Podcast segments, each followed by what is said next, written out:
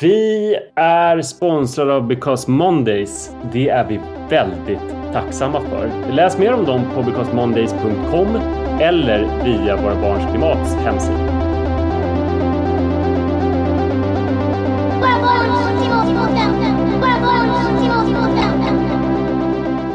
Hej och varmt välkomna till avsnitt två av Våra Barns Klimatpodden. Nu börjar äntligen livet post-covid. Vi äter kobebiffar, shoppar nya jobbkostymer och flyger hela familjen på lång weekend över höstlovet för att kompensera oss rundligt efter den här tråkiga perioden. Eller? Frida. Eh, det här känns ju som ett eh, viktigt ämne nu. Jag känner ju ett stort behov av att kompensera mig efter den här perioden. Hur känner du? Kanske inte jättemycket för att mitt liv har inte förändrats heller jättemycket under Nej. Pandemin. Men absolut, jag, jag har ju ett jättesug efter det här med solen. Jag tror också Mm. att vi går in i den här mörka perioden nu. Alltså det är ju drömläge att få ligga på någon strand i Frankrike och götta sig. Det låter helt underbart. Och idag har vi med oss spännande gäster. Vi har med oss poddaren och programledaren Klara Doktorov och vi har med oss psykologen Jonas Moskin som belyser det här ämnet. Eh, det är ju så att höstlovet stundar och eh, coronarestriktionerna har lättat. Så att det vi ska ta reda på i det här avsnittet är hur ska vi göra för att gå tillbaka till ett vanligt liv men inte återgå till våra gamla fossiltunga vanor trots då att vi tycker att vi har, har rätt att eh, göra mysiga saker som vi har saknat. Frida, berätta lite eh, om vem, vem du är för de som händelsevis har glömt det mellan avsnitt ett och två. Ja, det är ju, det är ju lätt hänt. Frida Berg Eklund, tvåbarnsmamma från Älta utanför Stockholm, är också talesperson för Våra Barns Klimat som står bakom den här podden eh, och författare till en bok som heter Prata med barn om klimatet. Älta, det minns nog de flesta. Det pratar, mycket, vi- det pratar vi mycket om i första avsnittet Mm. med, med Louise som också bor där. Älta! Mm. Ja, väldigt älta patriotisk. Eh, och jag heter då Manne Forsberg. Och, alltså, om, du Frida har ju liksom, lite av en, eller inte lite, du har en kraftig eh, experthatt eh, som sitter, pryder din hjässa. Eh, medan jag eh, som heter Manne Forsberg inte alls har någon sån hatt. Jag är också tvåbarnsförälder. Mina barn är 11 och 8 år gamla och vi bor söder om Stockholm i Hägersten och eh, jag gör en podd som heter Pappapodden också. Annars så är jag frilansskribent och föreläsare. Och jag eh, försöker väl ofta göra bra klimatval och eh, är som, lite som en pappafeminist fast eh, alltså klimat, jag vet inte, pappa-klimatperson. Kan man säga så? Det, det är ju det mest eh, utskällda de senaste åren. Pappafeminister, alltså folk som har fått ett feministiska, upp, feministiska uppvaknande för att de fick döttrar. Så det finns ju en del så här krönikörer som så här, jag fick döttrar och nu förstår jag liksom att det är jättedumt med eh, könsförtryck och sånt där. Och de är ju enkla måltavlor för folks eh, spott och spe och, löje såklart eftersom de behövde eh, så handfasta bevis på att patriarkatet eh, finns för att de skulle engagera sig. Samtidigt är det väl bra att de engagerar sig överhuvudtaget. Men lite grann så är jag med klimatet kan man säga, för att eh, det är klart att jag alltid har velat göra bra val, men kanske inte tänkt så mycket på det och att mycket av mitt klimatengagemang är drivet av mina barn, som till exempel är de som, alltså jag är ju en sån här kött och potatiskille, mina barn sa att nu ska vi inte äta något kött mer, så att jag fick ställa om och liksom på område efter område ställer jag om. Eh, och det är jag såklart väldigt tacksam för. Så att om du är en expert så är jag en helt vanlig person. Vad har du hittat för saker som är liksom i pandemilivet som är bra och som är värda att ta fasta på och fortsätta med? Mitt liv har inte påverkats så mycket, såklart det har påverkats runt den och i den här skitjobbiga situationen och lidandet och allting sånt förstås eh, runt den. Men personligen så har vi inte påverkats jättemycket. Jag jobbar alltid hemma. Eh, det har inte förändrats. Min man jobbar alltid som trädgårdsanläggare ute. Har inte heller förändrats. Barnen har ju gått i skolan och herregud vad bra det är att barn går i skolan. Ja, verkligen. Jag tittar på vänner i England som har liksom Mm. försökt haft dubbla dagjobb, två föräldrar och tre barn hemma som man ska hemskola dessutom. Alltså det har ju varit helt eh, ofattbart. Och också så här, tänker jag från så här barnhälsoperspektiv. Eh, vad härligt att de får vara i skolan. Eh, så det har ju varit som det har varit. Eh, jag tror den största jobbiga grejen för mig, eller för min familj, har ju varit att, att eh, mina svärföräldrar och min mans hela släkt är i England. Mm. Eh, och vi har inte fått träffa dem. Det har varit inreseförbud eh, väldigt länge. Eh, för folk. Ja, din att, eh, man är alltså engelsman? Mm, han är Det engelsman, precis. Så att eh, Det våra är därför det barn... heter Barry. Ja, exakt. Det kom från England, precis Mm. så. Så att våra barn har inte fått träffa farmor och farfar eh, på väldigt länge. Eh, men då kan man ju tänka sig, ja men det är ju ändå härligt att man kan höras på Facetime. Men det är inte riktigt samma sak. Nej, det är Såklart. Och det var ju såklart de jobbiga sakerna, men värt att behålla för att komma tillbaka till den frågan du faktiskt ställde var just det här, ehm, det jag vill behålla är enkelheten i det lilla livet. Ehm, att ha liksom ett större fokus på det som är nu, här, nu, nära, ehm, mer tid med barnen, ett större fokus på liksom närområdet, vad, som, vad man kan göra i närområdet, liksom kopplingarna till de man har kring sig, allt det här sociala som jag tror är så himla viktigt också med, eh, ur ett klimatperspektiv. Att ha ett starkt liksom, nätverk eh, nära en. Skärgårdens. Vad, du, eh, vad var bra? Vad var bra och dåligt? Om jag ska ta med mig någonting så, som, så är det ju, jag- jag gillar ju inte onödiga resor. Alltså jag gillar inte att åka på en resa till Hammarby sjöstad för att ha möte med någon, eller att åka resa till mina barns skolor alltid för att ha ett utvecklingssamtal. Sånt där tycker jag har blivit alltså, jättebra. Eh, de här supertråkiga resorna med att träffa folk som inte vill träffa en, som man inte vill träffa, utan som man lika gärna, alltså som man, man bara har liksom ett väldigt avgränsat ärende. En grej som jag funderar mycket på är, som har varit skönt med pandemin i hela det här att så här, regeringen har tagit tag i situationen. Jag vet inte om det här är någonting för att man tycker det är så jobbigt att vara förälder själv hela tiden. Att det nästan känns som någon annan har fått vara förälder åt Sverige och bara Mm. så här, berättat vad vi ska göra. Nu bestämmer vi så här, så här är restriktionerna. Nu flyger ingen, vad skönt, nu bestämde någon det. Någon Mm. annan bestämde helt enkelt vad vi skulle göra lite grann vår vardag. Och jag vet att så här, jättemånga tycker att det är jättejobbigt att, att staten minsann ska bestämma över en och allt det där. Men som förälder tycker jag så här, fy fasen vad skönt. Alltså jag är så van att man själv måste göra det hela tiden ju Mm. och ha ansvaret. Och så att bara kommer någon annan och bestämmer. Jag tycker det är jätteskönt. ja. Eller? Eh, jag håller med. Alltså det, det var skönt det här kollektiva, för det finns ju alltid en grej att jag ska inte resa i påsk, känner man sig övertygad och glad över. Vi ska fira hemma, det ska bli så mysigt. Ja, tills man scrollar Instagram och alla är på något jävla alptopp eh, och har någon picknick eh, och det ser helt underbart ut. Så känner man sig mindre säker på sitt val. Men nu satt alla hemma och det var, ja, det tyckte jag också var jätteskönt. Nu har vi med oss eh, min favorit i världen, Klara Doktorov, också känd som Klara Svensson, som är mediepersonlighet, tv-arbetare, tennisspelare, radioprogramledare, poddare, 30 plus trevare heter podden, författare till relationsbibeln, ny, ny, nybliven eh, Huddingebo och snart trebarnsmamma. Välkommen Klara! Tack! Säger du att alla är dina favoriter eller är det Nej, jag har aldrig mig? sagt det förut. Eh, Det, alltså, det, det ligger ju liksom i sakens natur, man kan bara säga det en gång och sen så har man liksom bränt ut det. Ja, ja, ja. Du är snart trebarnsmamma. Eh, hu- hu- var, var befinner du dig i graviditeten? Halvvägs ungefär.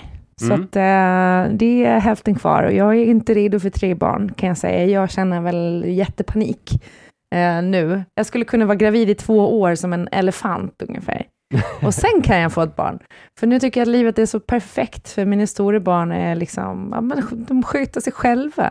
Och så ska man förstöra det med till barn. Och så tänker man på att man förstör plan- planeten om man samlar på barn så som jag verkar göra nu.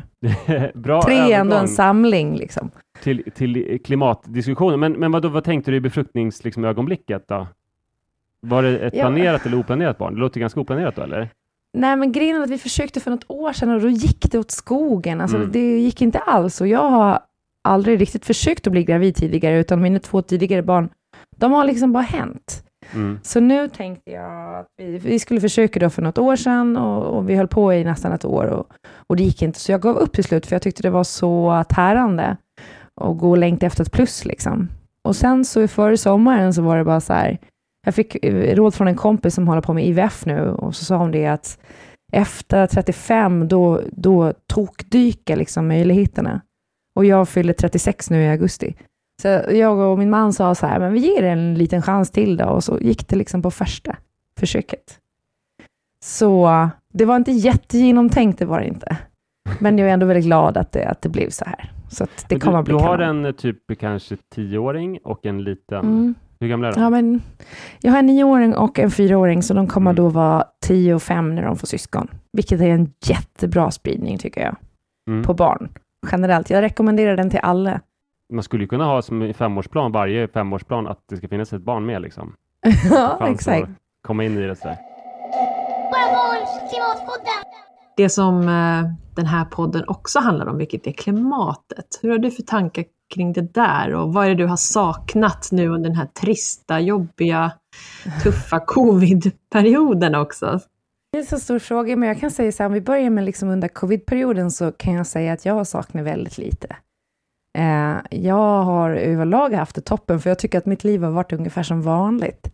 Men jag har å andra sidan inte varit tvungen att jobba hemma, utan jag har behövt åka till en studio och jobba och så vidare.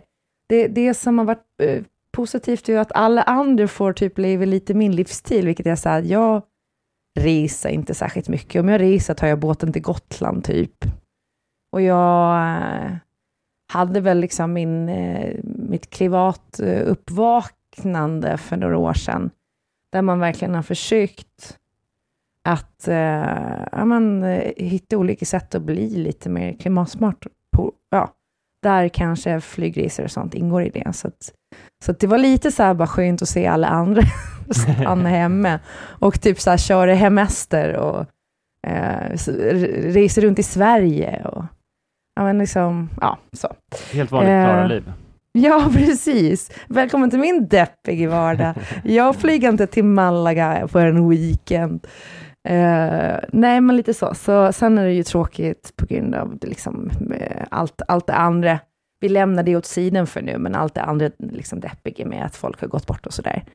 Uh, men om man ser till livsstilen så har jag inte saknat så mycket. Och så känner jag väl nu också att så här, nu har man verkligen vant sig vid att göra saker och ting ganska enkelt och i sitt närområde och så. Så jag menar, höstlov för mig är lite så här, jag blir, eh, kanske att vi åker till Gotland. Jag har googlat också på hur miljövänligt det är att ta den där båten. Eh, och det är ju kanske inte jättemiljövänligt. Eh, jag har till och med läst att det kan vara miljövänligare att flyga i och med att det är en så kort flight Mhm om båtarna inte går helt fullastade. Men det är väl det som jag också tycker så här, eh, ja, jag ska inte föregå er i frågan nu, men, men så länge man har, liksom har ett hum om vad man gör, eh, det är väl det viktigaste. Det finns en del stockholmare som citat tar vispen till Gotland. Som åker helikopter. Vadå skämtar du? Kallas det för vispen? vispen, ja man tar vispen Klara, jag tänkte det här med, du sa att du hade ditt klimatuppvaknande för ett par år sedan. Vad var det som hände då? Jag tror att det var mycket i samband med att jag fick mitt första barn. Då, då var jag helt övertygad om att jorden skulle gå under. Och då var det på nivån att, ja, det, och det här var 2012, men då var det på nivån att jag alltså gick in i en tokdepression just av all miljöångest jag kände. Och att allting kändes otroligt eh, liksom, eh, mörkt och eh, svårt att, att lösa. Och sen så tror jag att så här, då började man liksom aktivt kanske jobba och se över sin livsstil eh, bit för bit. Um, och, och det är ju en, sån- det är ju en otrolig konflikt när man både jobbar lite grann som så här semi-influencer, i och med att jag får betalt ibland för att göra reklaminlägg eh, eh på Instagram och så vidare. Det är inte min huvudsakliga syssla, men så är det ju en inre konflikt där man så här, okej, vad, vad är jag i hela den här, den här världen av konsumtion? Och jag kommer från en familj som, ja men det är liksom de glada 40 och 50-talisterna som, som har eh, tyckt att det är ganska härligt att byta ut alla möbler hemma Ja, och det. nu ska allting vara blått. Och då hade vi bara blåa grejer och sen skulle allting vara liksom beige och då var allting beige och, och soffar byttes var tredje år och så vidare. Sånt där som jag nu bara så här, det skulle aldrig... Nu köper jag liksom möbler och jag köper prylar för att ha dem. Eh, typ tills jag dör. Och det är mitt, eh, det är mitt målsikte liksom. Ja, för jag, det märker man ju att konsumtion är väldigt viktigt för dig. Alltså, det har varit en period också när eh, du har skaffat hus och sådär. Jag följer Ja. dina inköp av lampor och bord och sånt där. eh, och blir också väldigt imponerad, lite avundsjuk på att du verkar ha så, liksom, så säker eh, smak. Eh, men jag utvecklar här, din, din konsumtion, eh, Ja. hur du tänker kring den. Nej, men det, det är ju en blandning av gammalt och nytt. Eh, Jag tror att vi också har bestämt oss för en stil som vi gillar, som är en blandning av väldigt mycket vintage och eh, liksom, ja men loppis. Eh, Och sen att man köper vissa grejer nya, men då köper man dem i en stil som passar med allt det andra. Så att man kan ha det över tid, i många år framöver. Liksom. Jag tror bara att man ska här, inte vara rädd för att vara lite eklektisk om man vill vara miljövänlig. Och Vad sen också tänk, jag menar, det är tydligen ett uh, uh, inredningsord för att det är Mm. lite så här missmatchat. Ja, ja, ja. Att lite, det kan få vara lite galet. Mm. Eh, och det kan få vara lite spretigt och saker behöver inte gå i ton, i ton och ton eller eh, och jag tänker också väldigt mycket kring min konsumtion att så här, eh, ja, jag kan köpa lite dyrare grejer som är kvalitet, ja, det kan du verkligen vara- göra. designklassiker och sånt som, jo, men som ska hålla länge. Eh, och som Ja, kanske jag tror det är kan jättebra att veta om dig och då din man Kjell. Alltså för att det är jag och tiotusentals personer som följer dig som det man, ser är liksom så här att wow, vilken säker stil och vilka fina bord och lampor, vad dyrt, det där skulle inte så här, men att man kan tänka då som mottagare av den här informationen att det här ska Kjell och Klara ha tills de dör Ja. i Fullersta. Eh, så det är en engångsgrej. Ja, men precis. Alltså, Alltså, jag nu kan, menar jag inte att jag har varit anti er konsumtion, men jag kanske mer liksom varit lite avundsjuk. Men då, då förstår jag att det är långa perspektivet här. Ja. Jag kommer aldrig ihåg att mina föräldrar lagade på någonting, någonsin. Utan om det var ett litet hål i en fåtölj, då åkte den ut.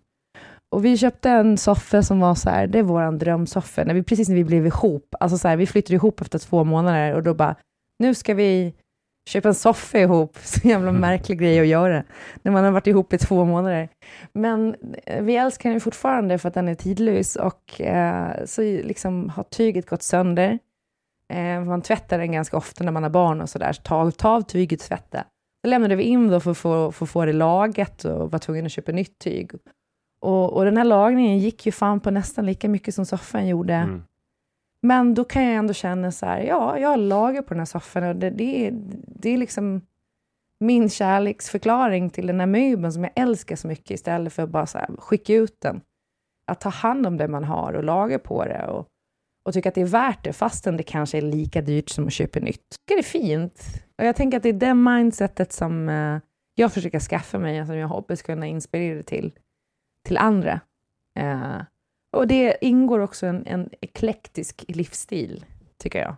Mm. Lite lappet, lite laget, lite missmatchat. Det behöver liksom inte eh, vara loppigt för det. Liksom. I den här podden försöker vi alltid lyfta fram hur svårt det är att leva klimatperfekta liv. Eh, Klara, vad tycker du är svårast i vardagen? Vad skäms du över lite grann? Ja, jag skäms nog lite över matkonsumtionen.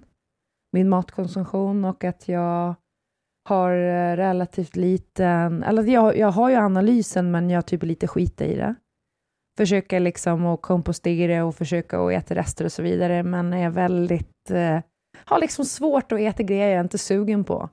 Och äta väldigt mycket färdig mat. Eh, och jag vet inte ens vad det finns för Alltså jag, tror, jag kan tänka mig att det inte är bra för miljön. För det är Vad också var med så färdig mat för någonting? Alltså du vet, mat som levereras till dörren. Man Ja, går ja, in ja. på en, en Alltså app och bara, restaurangmat? typ, Ja. så här, sushi, komma Alltså till inte, dörren. det är inte så här djupfrysta färdigrätter menar du? Från Nej, något nej, märke? nej. Utan, eh, Nej. nej. Det, är, eh, det tror inte jag är så miljövänligt. Och sen en annan grej som stör mig väldigt mycket i vardagen, det är ju det här med eh, barnen och alla jädra pinaler och prylar och leksaker och skit och det är bara plast. Vi hade kalas här i helgen och bjöd hela mitt barns klass. Och så vet man att det kommer komma, alltså det, det är liksom påsar fulla med bara krimskrams som har förmodligen eh, plockats ihop av något litet barn i, eh, ett eh, land någonstans i Asien och sen skeppar silverväggen hit. Och sen så tycker barnen att det är kul i typ två sekunder. Och sen Från så ett barn till ett annat barn. Från ett barn till ett annat barn, absolut. Åh gud, Ja, det är så hemskt när man tänker på det. Men det kan verkligen ge mig ångest över att också jag är så dålig på ibland att bara säga nej. Typ när det är så här, när man går i affärerna nu och det finns sådana fidget toys och Alltså typ så här någon, några sådana här eh, konstiga bollar som de sa på nyheterna för några veckor sedan var cancerframkallande. Och man bara, ja, ja, men ta en då, ja, ja, ta den. Det är liksom, så så här började skratta nu och började kalla den där bollen för cancerbollen, och det är ju hemskt. Att man, att man ändå, man vet om att det här är skit, men man hamnar i det. Men nu när covid-restriktionerna äntligen lättar lite grann, är det någonting som du verkligen längtar efter? Jo, men jag skulle jättegärna vilja åka till London. Och jag tittar på att göra det utan att flyga, men det är så otroligt krångligt. Nu eh, har jag ju börjat skaffa grejer till den här nya bebisen. Och jag unnade mig faktiskt en ny barnvagn. För vi, jag försökte hitta en barnvagn med de funktionerna vi ville ha på Blocket. Men det var jättesvårt att hitta. Eh, som också passar in i vår bil. Vi lyckades ju gå och, och skaffa en elbil innan eh, jag visste att jag var gravid. Och den är då som man leasar i några år. Och eh, vi har en jättestor hund som tar upp hela skuffen. Alltså skuff, det är alltså bagageutrymme på svenska. Eh, så så där, där undrade vi oss en ny vagn. I övrigt har vi köpt allt annat begagnat. Och grejen är den att det är typ, det är ganska mysigt att göra det. Eh, och bara skramla ihop grejer och köpa grejer på Blocket och från vänner och sådär till bebisen. Det måste jag ändå få berätta om. Att jag hade, vi, barnen ville ha en sån här gender reveal cake. Och så tänkte vi, ah, ja men vi gör det då, för de har sett det då på Swedish Family att de hade en sån. Och så får vi lapp då när vi har kollat ultraljudet, så åker vi till konditorn och lämnar in den och säger vi vill inte se vad det är på det här. Och så åker jag dit och hämtar tårtan dagen efter och så står mannen där, en annan man, och bara, ja det var du som skulle ha en tårta. Ja. Och så skriker han ut, med rosa fyllning. Jag bara, Nej. Ja, jo. Och så vet så tårarna börjar komma bara för att man blir glad liksom. Men det blir också så roligt att man fick veta eh, könet på sin bebis av en liksom lite rultig konditor i Huddinge centrum. Ja, vad dumt. Men det kanske blir en Grita, vi får Men hoppas. det är Vi håller ändå på något vis mer minnesvärt att få reda på det av konditorn. ja. Ja, för mig gjorde det inte jättemycket. Det blir en kul story. Klara, stort tack till dig. Tack för att jag fick vara med. Jag tänkte på en sak som eh, har varit lyxigt eh, under pandemin. Vi pratar ju om lyx som jag saknar, men en sak som har varit riktigt lyxig, det är ju att folk har ju fått träffa sina barn så himla mycket. Eh, även om man kanske har samtidigt haft arbetsmöte så är det så att min fru som är väldigt kontorsbunden, hon har ju suttit hemma nu när barnen har kommit hem från skolan och det har gjort att hon har fått träffa alltså våra barn men också andras barn eftersom våra barn ofta har med sig kompisar i släptåg och de har fått träffa henne. Och samma sak för mina barn, att de har fått träffa föräldrar som kanske jobbar jättemycket i vanliga fall och har svårt att komma hem till middagen och sånt där som nu alltid är hemma. Eh, man har träffat mycket folk. Man pratar ju mycket om så här, folk som man inte har träffat, det vill säga svärföräldrar och sådär. Men sina föräldrar och sina kompisars föräldrar har nog folk träffat väldigt mycket. Ja, jag håller helt med. Och jag tycker, nu, nu kommer jag med något jättelöjligt här, men alltså en av sakerna som jag känner är så himla lyxig med allt det här, att få gå i myskläder Mm. och skita i lite så här business on top, pyjamas below. ja. Eh, och det är lite det som du var inne på med, klimatet, så här, det är det jag egentligen vill göra. Mm. Eh, och nu får jag en ursäkt att göra det. Mm. Men och där börjar man ju känna också med sin, så här, eller man, jag, med min konsumtion, alltså hur lite kläder jag utnyttjar i garderoben och fundera på varför jag har köpt så mycket kläder i mitt liv.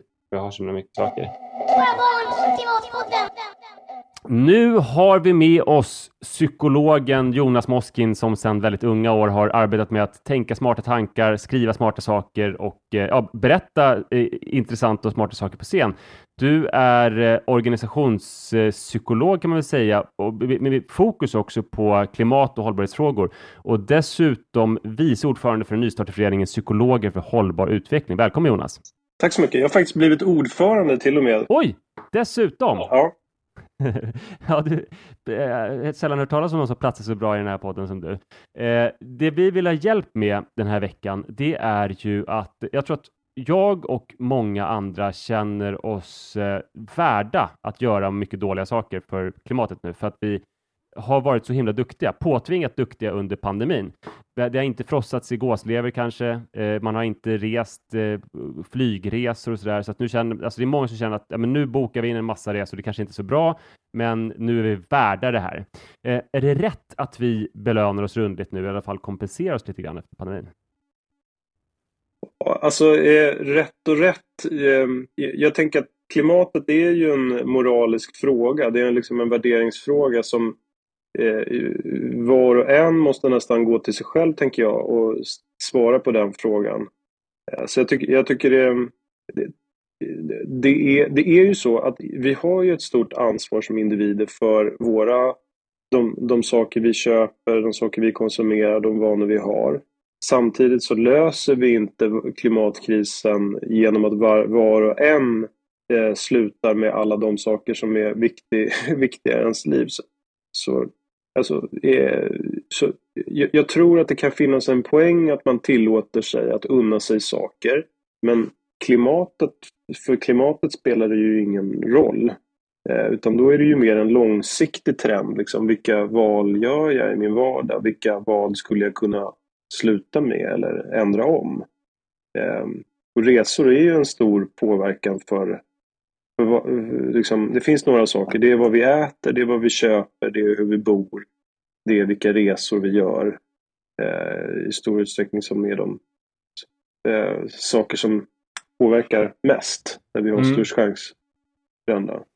Eh, Vad händer, men vad händer om vi, alltså om man inte gör allt sånt som man känner sig svältfödd på? Alltså skrumpnar man ihop som människa eller kan man klara sig i alla fall? Liksom? Alltså, jag, tror att den här, den här krisen som pandemin har varit har ju ställt många frågor som, har, som är ex, av existentiell karaktär. Att saker som man inte har fått göra eh, vill vi göra igen, eller ta, ta, ta upp igen.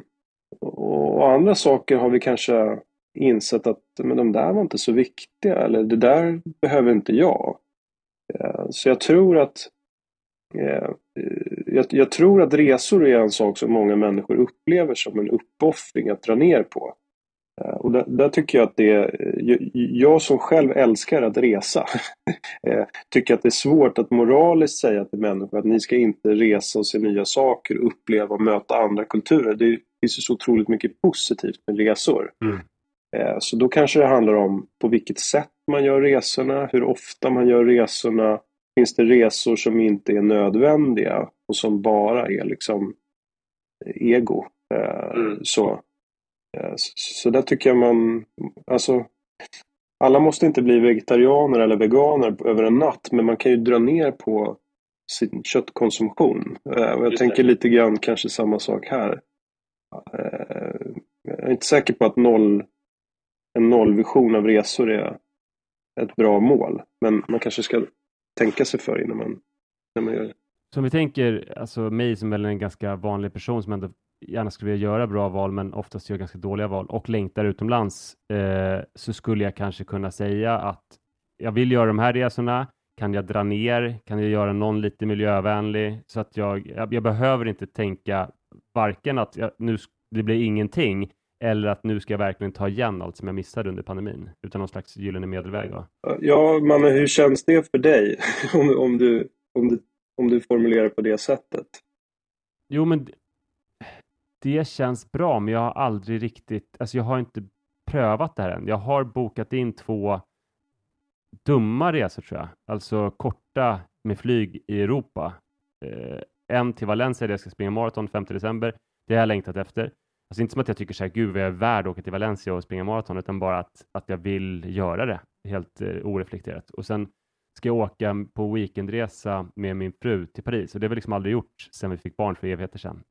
Och på det sättet kan man tycka så att vi är värda det på något sätt, men samtidigt så, jag vet inte. Jag har nog inte, ja, jag, jag har nog liksom bokat först och sen tänkt, tänkt, te- bokat först och tänkt sen kanske. Men, men jag tänker att eh, den lång, om, om, jag tänker att det här det touchar in en värderingsdimension av våra liv. Alltså långsiktigt vill du någonting annat än vad du nu på kort sikt har gjort. Mm. Eh, och då kanske det handlar om att identifiera vilka, vilka andra sätt skulle du kunna få den där eh, upplevelsen eller njutningen på som, som du nu har valt det här sättet att göra på. Eh, och där tänker jag är inte säker på att att om du hade åkt tåg eh, till Paris att du hade upplevt att det var en jättestor uppoffring i ditt liv. Eh, Nej, inte alls. Eller, eller, eller att springa ett maraton i en stad som inte är så långt bort så att du inte hinner dit fram och tillbaka. Eh, så, Mm. så det är ju också så att du kanske skulle kunna göra andra val framöver som inte faktiskt är en uppoffring. Alltså förstår du? Jag tror också att, att det är lite grann pandemin som gör, fast det är ovanligt dekadent, liksom även för mig, att ta två stycken Europaresor på en och samma höst. Sådär. Så det är nog den där psykologiska mekanismen av att, ja men vad fasen, nu, nu har jag inte gjort det på så länge. Jag tänker också absolutism eller att vara liksom helt noll, att man, att man helt väljer bort någonting. Då måste det ju oftast fin, finnas väldigt starka triggers eller du måste få, få den liksom positiva erfarenheten någon annanstans ifrån. Eh, och det är ju för många människor svårt att liksom väl sluta med någonting helt om det inte finns positiva saker som fyller upp det där behovet. Liksom. Eh, och, och, så det, det är ju det som ofta behövs. Inte bara att vi tar bort någonting. Vi måste liksom lägga till någonting som känns roligt och eh, härligt och stimulerande. Liksom. Ja, för det är det vi vill göra nu. Alltså jag tror att alla som lyssnar på den här podden eh, vill, vill göra bra klimatval. Eh, och då vill vi ju på något vis hacka våra hjärnor så att vi gör så bra som möjligt, även om vi såklart vet att vi inte kan vara perfekta på något sätt. Men hur skulle man kunna göra det då? Ja, men, vardagen är ju 365 dagar, sju dagar, eller fem av sju dagar i veckan för de flesta av oss. I vardagen finns det ju väldigt många situationer där vi skulle kunna lite grann defaultläge eh, köpa eller konsumera på ett annat sätt. Alltså jag, jag tycker om att eh, grilla men jag måste inte om, köpa en ny grill. Så jag, jag handlar till exempel ofta second hand när jag vill ha någonting. Därför att då tänker jag alltid, det finns säkert någonstans där ute någon som har det här som jag vill ha. Som redan är tillverkat, som är redan producerat. Ja, det är både billigare och sliter mindre på miljön. Så det kan ju vara ett sätt att hitta defaultlägen som, som funkar, som inte känns som en uppoffring. Liksom. Eh, Utan som känns här, en, en tillräckligt bra kompromiss. Liksom. Eh, Och det, likadant kan det handla om med, in, med andra inköp eller med vad man äter. Alltså jag har dragit ner jag äter kött, jag har dragit ner på det men jag upplever inte att mitt liv har blivit sämre när jag har ätit mindre. Eh, kanske snarare tvärtom. Liksom. Ehm, men ehm, så tänker jag också en stor insikt i att det är jättesvårt att leva klimatsmart. Det, det är väldigt utmanande för oss. Så vi kommer förmodligen gå på pumpen en massa gånger innan nya vanor sätter sig.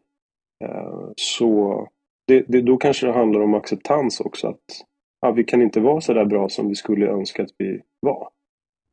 Ja, just det. Eh, Men det betyder inte att du ska slu- vi ska sluta försöka. Det verkar till mig det där också av att, alltså att det, det behöver inte vara så att, eh, att man späker sig. Alltså utan om jag drar ner på kött, då kanske jag blir superförälskad i friterad aubergine som ändå känns väldigt liksom dekadent för det liksom dryper i fett och är knaprigt och allting. Eller att jag kanske åker till eh, Höga Kusten istället för Valencia och springer där. Alltså det är min övertygelse om att jag tror att det är möjligt och att jag tror att vi måste också börja lära oss att det är så det kommer bli. Eh, alltså även om du, just nu kanske vi har de valen men om fem eller tio år kanske valen inte kommer existera på samma sätt. Då kanske lagstiftningen kommer ha förändrat det där så att det inte kommer vara på samma sätt. Jag tänker också att en förberedelse inför en framtid är väl också att ställa in sig på mer eh, hållbara val. Eh, och kanske lära sig att uppskatta dem. Där tänker jag att pandemin har kanske gjort att många människor har upptäckt att resa i Sverige eller att resa i närmiljön eller vara ute i naturen till exempel kan vara nog så spännande liksom. Eh, Slutligen, vi har ju ett eh, föräldraperspektiv i den här podden. Alltså har man någon har man ett ansvar som förälder att visa sina barn världen? Att det finns något annat än liksom den gatan som man växte upp på? Och hur löser man det, förälder, den föräldrauppgiften i så fall? Ja, det är en jättebra fråga. Jag, jag reste mycket när jag var liten med mina föräldrar och de ville visa mig världen och det har gett mig väldigt mycket. Så jag ville ju också göra det till mina barn. Eh, så. Men det finns ju andra saker som är viktiga också. Så jag, jag, jag tror att det där med att se världen Idag är ju världen på sätt och vis också mycket mer här. Så det finns otroligt mycket influenser, impulser och människor i vårt land som inte fanns här förr i tiden också. Så att jag tycker att det, det, men, men jag, jag tror att det är en av de här utmaningarna. Det är ett existentiellt dilemma. Människor mår... Vi, vi får väldigt mycket ut av att ta del av andra kulturer och se hur det är i andra länder. Um, men, men jag tänker att det, det kanske är de där korta weekendresorna som är problemet och de, kort, de liksom väldigt långa semestrarna som mest går ut på att du ska själv bli solbränd som är problemet. Inte att resa och se andra kulturer. Om du gör det under en längre tid och har tid och liksom ett, ett långsammare eh, möte med andra kulturer. Det, det vore väl jättesynd att missa tycker jag. Just det. Men det kanske kräver lite mer planering och lite mer arbete från, från din och min och andra sida. Liksom. Verkligen eh, viktigt och eh, värt att ta med sig. Tack snälla Jonas. Eh, jag känner mig eh, inspirerad att göra bra val och resa på ett annat sätt. Tack så mycket.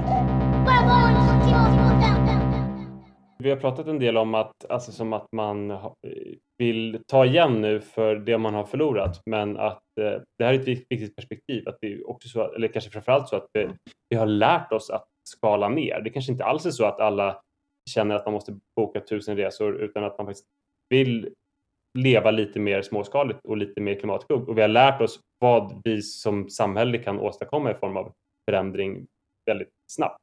Ja, men exakt. Och vad som är viktigt. Mm. Och jag tror att framförallt i Sverige som har varit, liksom ett land av expansion och mer och erövra världen och liksom hela det kosmopolitiska tänket. Att få lära oss att faktiskt skala ner. Vi har inte varit, i alla fall kanske du och jag, en sån generation där vi ska skala ner, utan snarare tvärtom. Vi ska upptäcka världen och Mm. the world is our oyster. Du har ju koll på forskning och sådär. Vad tror forskarna att pandemin kommer leda till klimatmässigt? Ja, men min reflektion så här i efterdyningen av covid är väl att vi har fått uppleva en kris eh, och restriktioner som påverkat alla våra dagliga liv. Och i allt det här tra eh, tragiska och traumatiska med att, att få genomleva en pandemi så uppstår kanske också mer existentiella frågor om, om hur vi lever och vad som är viktigt för oss. Och, och det är såklart relevant också för den pågående och eskalerande klimatkrisen. Um, och några av de sakerna jag tänker på där är väl att Eh, att demokratin sätts på prov när vi snabbt måste genomdriva förändringar och ingrepp i alla medborgares vardag för att faktiskt rädda liv. Hur vi förbereder oss och hur vi bygger beredskap inför framtida kriser. Det kan ju vara ekonomiska kriser, det kan vara pandemier, men framförallt så vet vi att vi kommer se eh, mer klimatförändringar framöver. Och förstås de ekonomiska effekterna, hur det påverkar jobb och vår trygghet och sårbarhet. Ehm, och förstås vad som, vad som är viktigt för oss i en kris. Tillgång till mat, vänner, familj, ekonomisk trygghet. Så hur kan vi, hur kan vi nu lära oss av det här och faktiskt bygga upp ett samhälle som står pall också för, för klimatkrisen? Eh, och kan vi se coronapandemin kanske som ett, ett genrep för det? Så vad säger forskare om, om det här då, om, om coronapandemin? Eh, några tankar som jag tittat på är från ett projekt som heter World After Covid Project, där 57 forskare och framtidssiare har fått eh, tycka till eh, om vad vi kanske behåller och vad som är risker efter, efter covid. Eh, och två saker som de har lyft fram är att, att kanske så kan vi se ett ökat fokus på solidaritet, både lokalt eh, men också globalt, nu när vi faktiskt gått igenom en kris tillsammans. Där det blivit så tydligt att vi verkligen behöver varandra, att alla behöver hjälpa till för att, för att klara den här krisen. Och nu vet vi också att vi kan ta oss an svåra utmaningar, men vi måste samarbeta på alla nivåer i samhället. Eh, vi måste bidra som individer och hjälpa till, ehm, och nationellt men också globalt måste vi agera. Coronapandemin har ju också exponerat den här sårbarheten hos vissa grupper, där vi har sett att att, eh, att sjukdomen har slagit väldigt hårt mot vissa grupper, framförallt de som lever i utanförskap och fattigdom. Eh, och det är ju också väldigt sant för klimatkrisen, som vi vet slår allra hårdast idag mot barn, mot personer som, som är sårbara på olika sätt, som lever i fattigdom i de allra fattigaste länderna och så vidare. Eh, och kanske ger krisen oss en möjlighet att faktiskt bygga om samhället redan nu på ett sätt som gör att vi både tar, tar det här i beaktning, de som faktiskt drabbas hårdast, men också gör att vi står mer förberedda nu inför de klimatförändringar som faktiskt redan nu är inlåsta i systemet. Väldigt bra och trösterika slutord tycker jag. Eh, tack för att ni lyssnade. Tack fina gäster som var med och tack Frida för att jag fick eh, ta del av din klokskap eh, en vecka till. Och tack till dig. Och podden hittar du som vanligt på vårabarnsklimat.se podd och man kan höra av sig till oss med tips eh, på saker som ni vill att vi ska ta upp och då mejlar man med fördel till podd vårabarnsklimat.se. Tack för idag! Gör så! Tack, hej då! Våra barns klimatpodden.